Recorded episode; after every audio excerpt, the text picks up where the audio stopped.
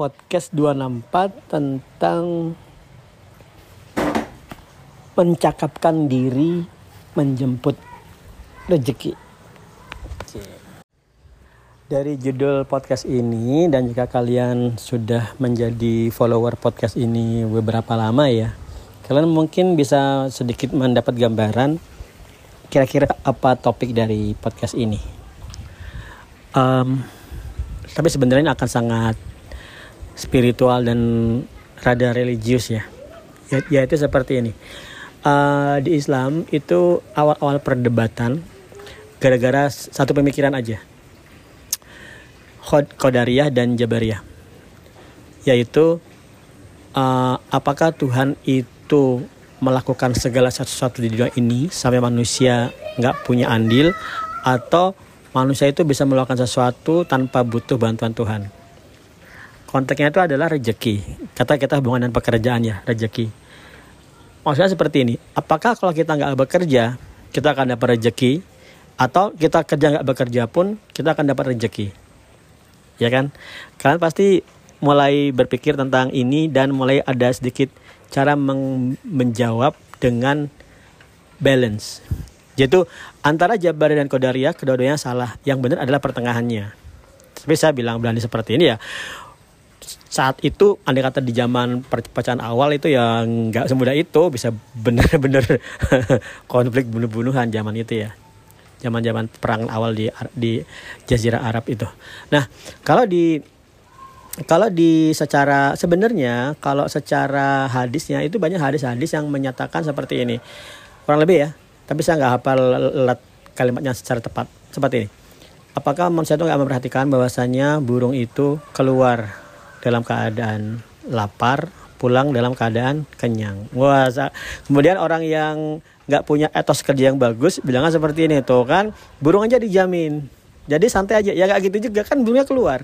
Burungnya keluar dari sarang lapar pulang kenyang. Keluarnya dia kerja kan berarti. Satu.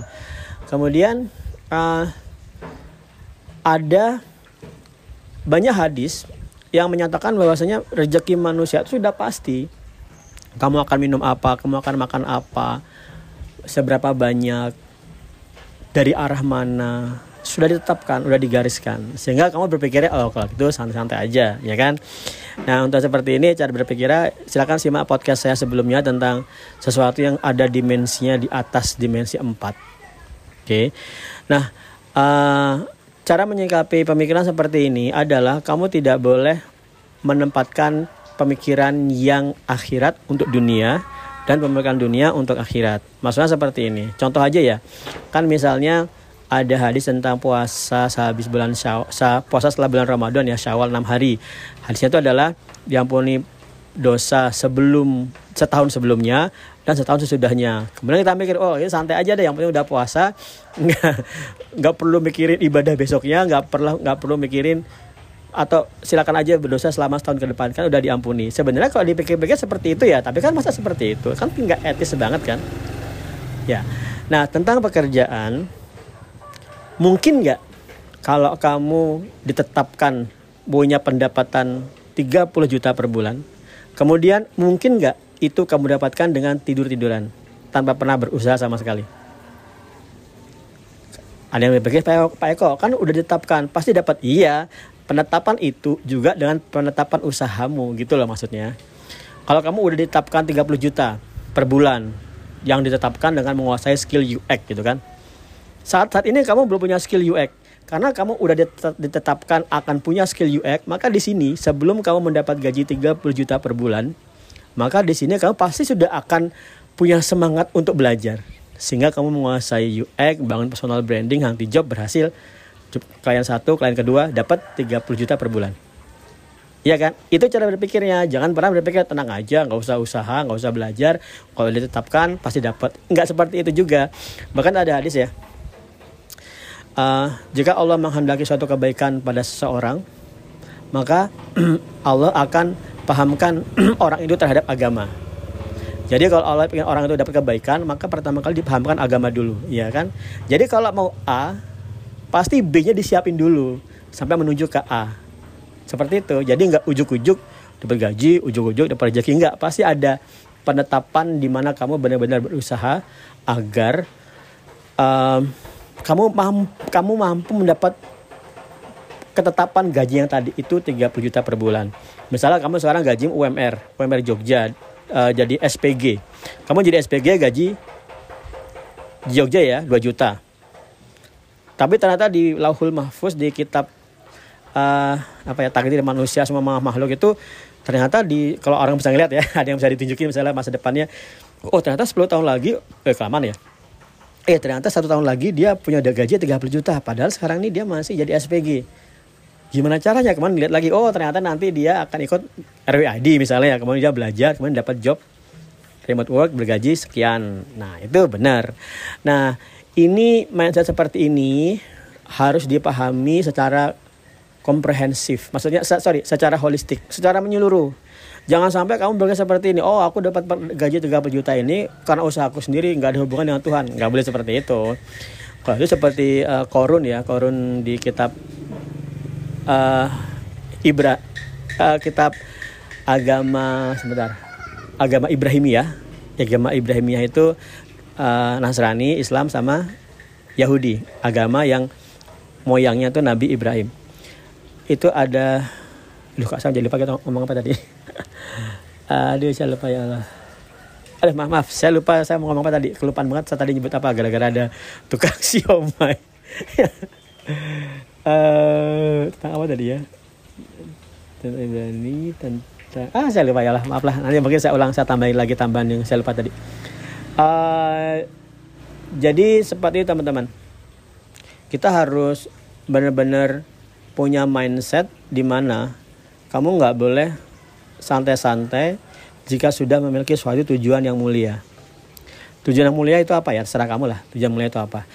Jangan pernah sekedar berpikir cuma jadi kaya aja ya kaya kaya itu jalan dan kaya itu juga masalah uh, keluasan amal dan pilihan tapi juga masalah tanggung jawab. Punya harta yang banyak itu juga tanggung jawab. Kamu punya harta tentang kamu nggak punya gimana caranya?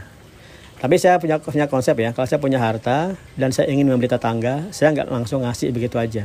Kecuali sifatnya makanan tuh fine. Tapi kalau ngasih uang nggak boleh. Kenapa? Karena nanti sistem ekonominya berantakan. Sama seperti kalau kamu ngehen sama seperti negara kalau karya eh, apa namanya negara ngelihat masyarakat nganggur ya. Kamu mikir kenapa nggak cetak uang? Kasih aja masyarakatnya uang. Itu nggak berbahaya. Kenapa? Karena uangnya nggak di backup dengan suatu usaha produktif yang real. Jadi nilai uangnya mengecil kekuatan produksi cuma 10 tapi uangnya dicetak 100 jadi sebenarnya nilai uangnya sama melemah semua. Jadi semua orang yang punya uang sejuta jadi 100 ribu. Nah untuk mengatasi seperti ini kalau saya ingin memberi tetangga itu uang saya berikan kerjaan dulu entah apalah. Bisalah bikin perbaikin motor beliin apa. Kemudian kemudian bonusnya saya lebihin. Nah gitu itu bisa. Kalau ngasih uang itu aja saya benar ingin tapi itu nggak bagus untuk sistem ekonomi. Nah, pentingnya kuliah ekonomi. Oke. Okay. nah jadi kalau kamu sudah punya niat baik uh, pengen dapat ingin niat niat baik di dunia ini ya hampir segala sesuatu itu pasti butuh uang. Coba kamu sebutkan sesuatu yang nggak butuh uang.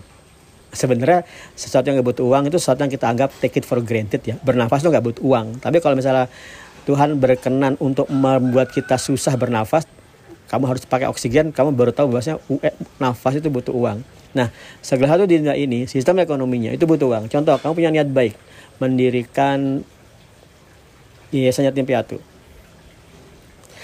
Well, kalau untuk seperti ini, kamu saya mikir uh, donasi aja Pak Eko itu bisa sih. Cuman bagi saya pribadi ya saya nggak suka nyari donasi. Membangun sesuatu di atas donasi bagi saya tuh nggak nggak seru deh. Misalnya saya pengen ngebangun sesuatu ya, wah saya ny saya nyiapin donasi aja deh. Wah itu nggak seru bagi saya, bagi saya pribadi ya. Tapi kalau bagi kalian merasa itu bagus, ya bagus juga. Lagian juga memang uh, donasi itu jalur bagi orang-orang kaya untuk menyerahkan uangnya. Karena mereka bingung, orang kaya itu kadang bingung lah ya, uangnya dikemanain. Nah, tapi kalau saya pribadi lebih suka membangun sesuatu di atas jerih payah keringat skill sendiri yang merupakan karunia Tuhan Maha Kuasa. Jangan pernah melupakan itu. Misalnya saya pengen bangun yayasan yatim piatu. Berarti kita abaikan donasi ya. Berarti saya butuh properti, ya kan? Saya butuh properti nih, tanah, bangunan sebagainya. Saya butuh itu banget. Uh, kalau saya butuh itu, berarti Saya harus punya suatu penghasilan yang bisa membuat saya membeli properti. Kemudian untuk penghasilan itu berarti saya harus punya skill. Skill itu sorry untuk penghasilan itu ada dua jenis ya. Kamu jadi pengusaha atau menjadi uh, menjadi pedagang atau menjadi wira swasta. Kadang-kadang sebenarnya segala sesuatu sebenarnya dagang ya teman-teman. Segala sesuatu itu dagang, cuman berbeda, berbeda aja barang atau jasa. Saya itu pedagang jasa. RWID itu layanannya adalah mentoring kamu menembus remote work itu jasa. Saya menjual jasa.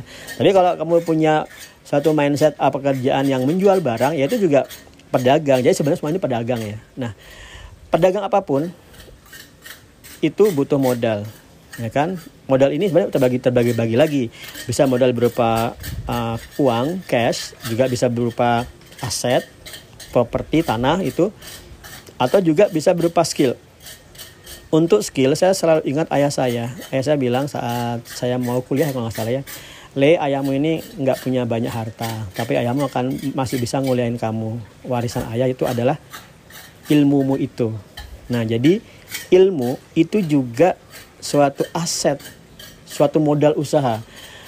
Kamu misalnya punya modal punya kemampuan cukur rambut nggak semua orang bisa loh ya asal cukur bisa tapi hasilnya bagusnya nggak bisa. Kamu bisa langsung ngebuka tempat usaha cukur rambut kan? Kerjasama sama orang yang punya tempat atau nyewa. Jadi kan? Nah tapi kalau kamu cukur rambut sebenarnya saya nggak saya nggak mengatakan cukur rambut itu kecil ya. Oh cukur rambut itu bisnis yang pasti dicari orang. Setiap orang kan rambut, rambut rambutnya numbuh terus kan. Begitu cukur pasti ada penghasilan. Nah di bidang yang saya saya bangun saya langsung ke bidang RWID yang saya bangun jasa ditawarkan itu ada ningkatin skill. Kalau kamu udah ningkatin skill, mindset saya adalah kamu bisa punya akses ke pekerjaan luar negeri. Kenapa sih pekerjaan luar negeri Pak Eko? Karena pakai dolar. Satu jam kamu kerja di Indonesia mungkin setara dengan sorry 10 jam sehari satu setengah satu setengah hari kamu kerja di Indonesia mungkin setara dengan satu jam kamu kerja di Amerika lewat remote work. Artinya waktumu luang. Contoh seperti ini ya. Kamu but kamu tadi tadi masalah masalah uh, yatim yatim piatu ya. Kamu pengen punya pondok yatim piatu. Uh, apa namanya? Kamu usaha kemudian kamu berhasil punya tabungan kamu berarti langsung membeli tanah bertahap membangun tempat dan membangun pondoknya. Teman-teman ini adalah ikhtiar kita yang dimaksud ikhtiar itu adalah ya usaha kita secara sempurna sebagai seorang manusia kita ikhtiar. Jangan langsung cuman seperti ini. Ya Allah aku mau apa namanya angkat tangan ya Allah aku ingin punya ya yatim piatu. Terus gitu aja. Nggak ada usaha. Ya nggak juga lah kayaknya nggak baik banget kan orang Rasul aja berdoa dan langsung berusaha bisa-bisan ya kan? Uh, setelah kamu setelah kamu niat berdoa kamu pikirkan caranya Nah, pikiran caranya itu terserah. Nah, gini, Pak Eko kalau seperti itu kan lama ya seperti itu lama kan, tapi niatmu sudah kamu luruskan kan, niatmu udah lurus, usahamu ke arah sana. Menurut banyak hadis, ya sudah. Kalau niatmu ikhlas, pasti niatmu sudah sudah diterima. Niatmu pasti diterima. Dan amal ibadah kaum muslimin itu adalah lebih baik niatnya. Maksudnya niatnya itu melampaui amal sesungguhnya. Kamu niat kerja untuk nanti suatu saat nanti ngebangun biasanya tim piatu atau pondok pesantren, maka selama kamu usaha pasti dihitung untuk ngebangun itu. Nah ini yang menarik adalah gini, pasti yang maha kuasa akan memudahkan karena niatmu baik, tergantung dengan kadar ikhlasmu, ya kan? Bisa jadi loh ya, kamu sebenarnya niat nih, kamu sudah niat ngebangun pondok dengan usahamu sendiri, tanpa niat mau bangun donasi. Kamu usaha, kemudian kamu entah bagaimana caranya ada orang yang tahu tentang apa yang kamu inginkan ini. Ya mungkin kamu pernah ngeblog ngepost kemudian dia mas aku punya tanah yang nggak bisa nggak dipakai nih. Mau nggak dipakai untuk yayasan yatim piatu? Bisa nggak itu terjadi? Bisa aja.